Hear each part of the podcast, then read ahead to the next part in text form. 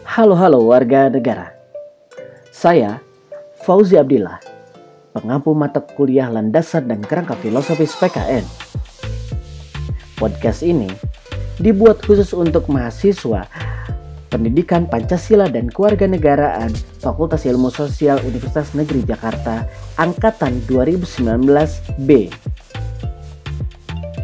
Kali ini kita akan sama-sama belajar mengenai kerangka keilmuan PKN yang akan dipresentasikan oleh Amalillah Nur Hasanah, Atifah Nurul Jannah, dan Fadilah Nur Ilham. So, tanpa berlama-lama lagi, mari kita sama-sama mendengarkan teman-teman kita tersebut. Enjoy!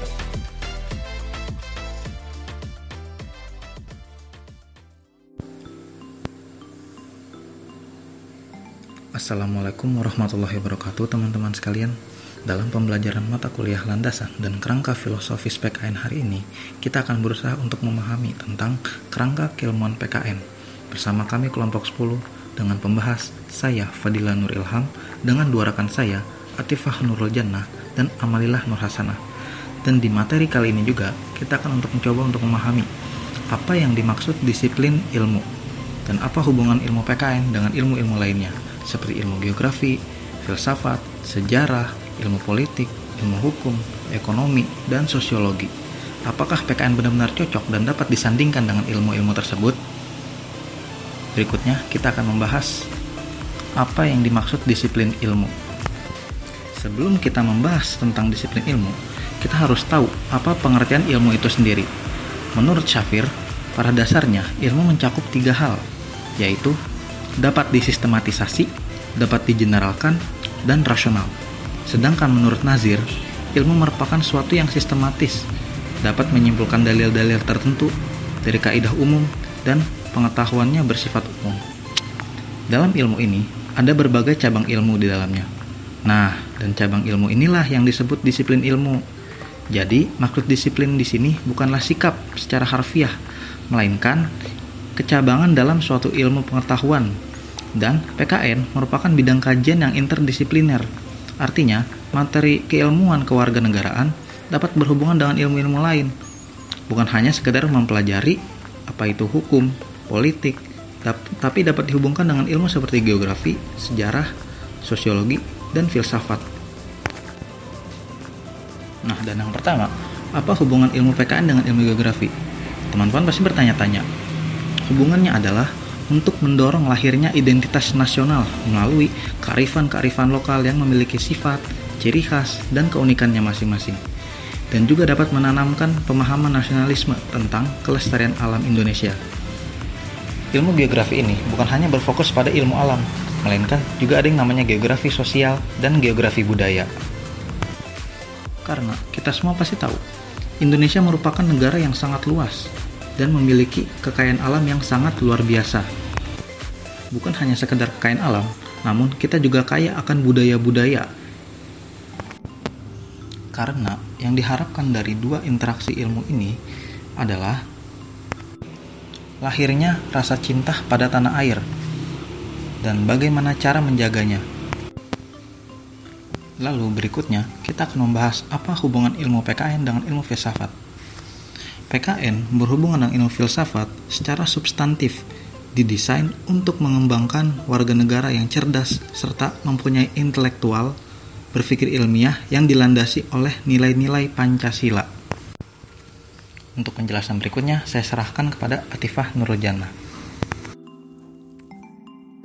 Assalamualaikum warahmatullahi wabarakatuh. Sebelumnya, terima kasih kepada saudara Ilham Fadilah yang telah mempersilahkan saya untuk melanjutkan materi ini.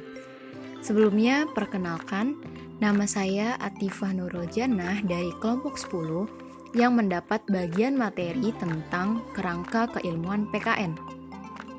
Saya akan menjelaskan materi kali ini untuk melanjutkan penjelasan dari saudara Ilham Fadilah yang sebelumnya membahas tentang PKN sebagai disiplin ilmu pendidikan dan hubungan PKN dengan ilmu alam yaitu hubungan PKN dengan ilmu geografi dan hubungan PKN dengan ilmu filsafat. Baik teman-teman, Di sini saya membahas tentang apa sih hubungan PKN dengan ilmu sosial lainnya, seperti hubungannya PKN dengan ilmu sejarah dan hubungannya PKN dengan ilmu politik. Hubungan PKN dengan ilmu sejarah. PKN ini berisi tentang sejarah Indonesia dari sebelum merdeka hingga saat ini Mata pelajaran PKN yang isinya terutama berkenaan dengan sejarah Indonesia, konstitusi, pengetahuan kemasyarakatan, dan hak asasi manusia. Unsur-unsur tersebut dapat menciptakan dan mengembangkan jiwa serta semangat nilai-nilai kejuangan kepada generasi muda dengan kisah-kisah kesejarahan yang diberikan. Hal itu dapat menjadikan contoh kebaikan dalam mendorong dan memotivasi generasi muda. Dalam mempelajari sejarah, terdapat latar belakang mempelajari pendidikan kewarganegaraan, proses dan alasannya pendidikan kewarganegaraan dipelajari. Kemudian dengan ilmu sejarah dapat diketahui bahwa mengapa perlunya pendidikan yang bertujuan untuk menjadikan warga negara yang baik. Semua itu didasari oleh sejarah atau peristiwa yang terjadi di waktu yang lalu. Dengan mempelajari sejarah, kita dapat mengetahui kekurangan apa yang terdapat pada era dulu dan diperbaiki pada masa sekarang, sehingga terdapat perbaikan-perbaikan dari waktu ke waktu. Dengan mempelajari sejarah, dapat ditemukan hal positif yang dapat dipertahankan untuk tercapainya tujuan PKN saat ini atau ke depannya. Sekarang kita membahas Hubungan PKN dengan ilmu politik. Pendidikan kewarganegaraan merupakan praktik dari ilmu kewarganegaraan, sedangkan ilmu kewarganegaraan adalah bagian dari ilmu politik. Seperti yang dikemukakan oleh Sester Van, yaitu bagian dari ilmu politik yang membahas tentang hak dan kewajiban warga negara terdapat di civic atau ilmu kewarganegaraan. Jadi, dapat disimpulkan bahwa pendidikan kewarganegaraan mengandung praktik-praktik yang diturunkan ilmu politik sesuai dengan tujuan PKN, yaitu untuk menumbuhkan wawasan dan kesadaran bernegara, sikap serta perilaku yang cinta tanah air sehingga menjadikan warga negara yang baik. Oleh karena itu, kita harus memahami teori tentang demokrasi politik yang meliputi konstitusi, parpol pemilu, dan semua hal itu merupakan adopsi dari ilmu politik. Dengan memahami teori ilmu politik, maka warga negara mempunyai pengetahuan tentang kenegaraan melalui praktis dari pendidikan kewarganegaraan. Maka, warga negara dapat melaksanakan kewajibannya dan mengetahui hak yang harus diterimanya sebagai warga negara yang baik. PKN merupakan unsur ilmu politik atau cabang dari ilmu politik yang berkaitan dengan hak dan kewajiban. Melalui pembelajaran PKN, peserta didik dapat dikenalkan dengan dasar-dasar dalam berpolitik sebagaimana mestinya, karena perubahan kondisi politik mendorong tingginya permasalahan sosial. Maka, pembekalan ilmu politik sangat diperlukan agar masyarakat tidak buta politik, sehingga politik tidak dapat dimanfaatkan oleh oknum-oknum tertentu. Sekian penjelasan yang dapat saya sampaikan. Terima kasih atas perhatiannya, dan mohon maaf jika masih terdapat banyak kekurangan. Oke, teman-teman. Selanjutnya, materi akan dijelaskan oleh saudari Amalilan Hasanah yang akan membahas tentang hubungan PKN dengan ilmu hukum dan hubungan PKN dengan ilmu ekonomi dan juga hubungan PKN dengan ilmu sosiologi. Kepada saudari Amalilan Hasanah, dipersilakan. Assalamualaikum warahmatullahi wabarakatuh. Sebelumnya terima kasih kepada Tifa Nurul Jannah yang telah memberikan saya kesempatan untuk memaparkan materi ini. Saya Amalia Nurasana akan menjelaskan hubungan antara ilmu PKN dengan ilmu hukum, ekonomi, dan sosiologi.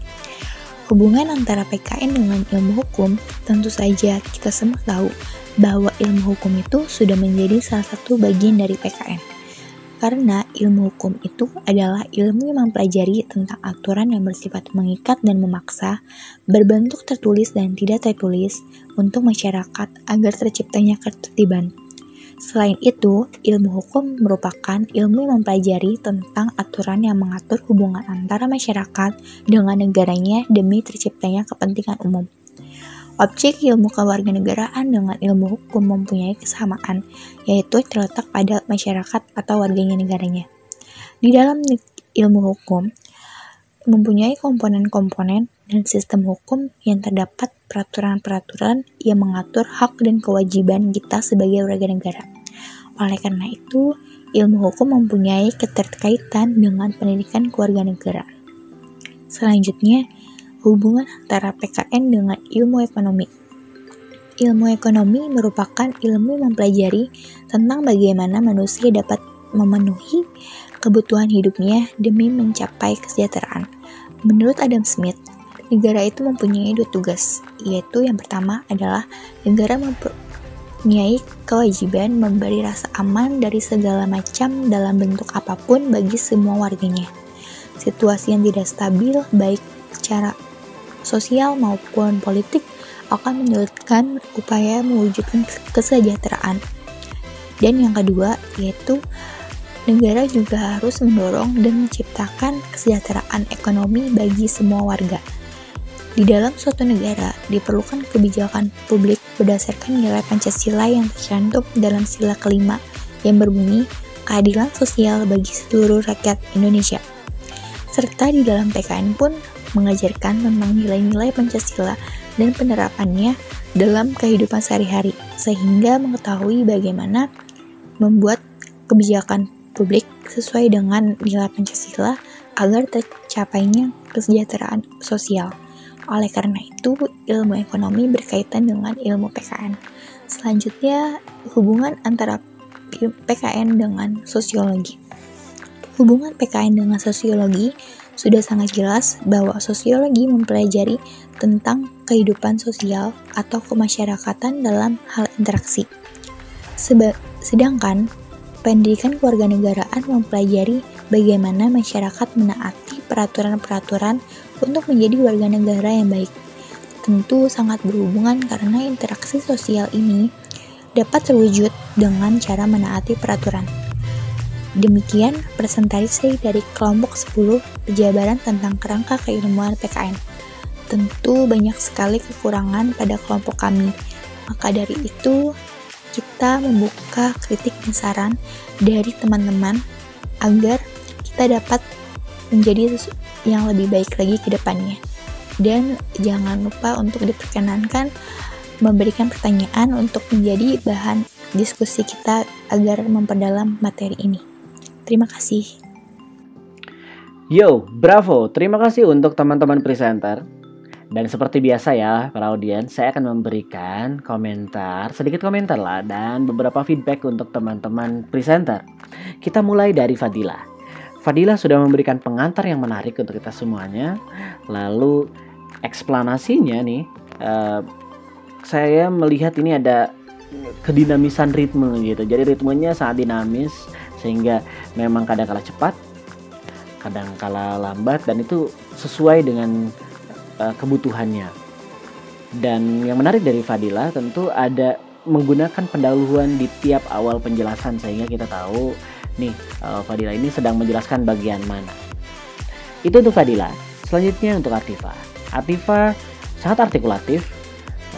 Kita juga bisa mendengar bahwa Atifa memiliki uh, produksi suara yang halus sehingga enak untuk didengarin. Ditambah lagi kemampuan narasinya yang excellent. Ini jadi contoh bagus untuk saya ataupun untuk teman-teman para audiens lainnya. Itu untuk Atifa. Dan terakhir untuk Amalila. Amalila uh, sudah eksplanatif, lalu ritmenya moderat, kalau misalkan ingin ditingkatkan lagi bisa uh, dengan ritme yang lebih dinamis. Kenapa dinamis? Karena penjelasannya kan komprehensif nih. Jadi memang ada kalanya kita perlu mempercepat beberapa bagian, ada ya kita perlu memperlambat beberapa bagian. Itu salah satu ciri khas kenapa penjelasan yang komprehensif memerlukan ritme yang dinamis. Tapi uh, Amalila sudah mempersembahkan yang terbaik. Oke, itu dia untuk komentar kali ini. Kita berikan apresiasi yang sangat tinggi untuk teman-teman presenter barusan. Dan jangan lupa untuk teman-teman audiens untuk memberikan apresiasi dalam bentuk apa ya, tidak hanya sekadar testimoni, tetapi testimoninya pun yang otentik gitu, yang ikhlas untuk membantu teman kita karena teman kita pun tentu memerlukan saran masukan yang otentik. Kita semuanya sedang belajar. Dan itu pun salah satu bentuk penghargaan untuk teman-teman kita. Begitu bukan? Oke jangan lupa juga selain memberikan apa tadi um, komentar untuk teman-teman juga diharapkan membubuhkan pertanyaan yang berbobot untuk mengisi diskusi kita kali ini Oke, demikian penjelasan dan presentasi kali ini, podcast kali ini. Kita akan bertemu lagi di podcast selanjutnya. Terima kasih semuanya. Ciao.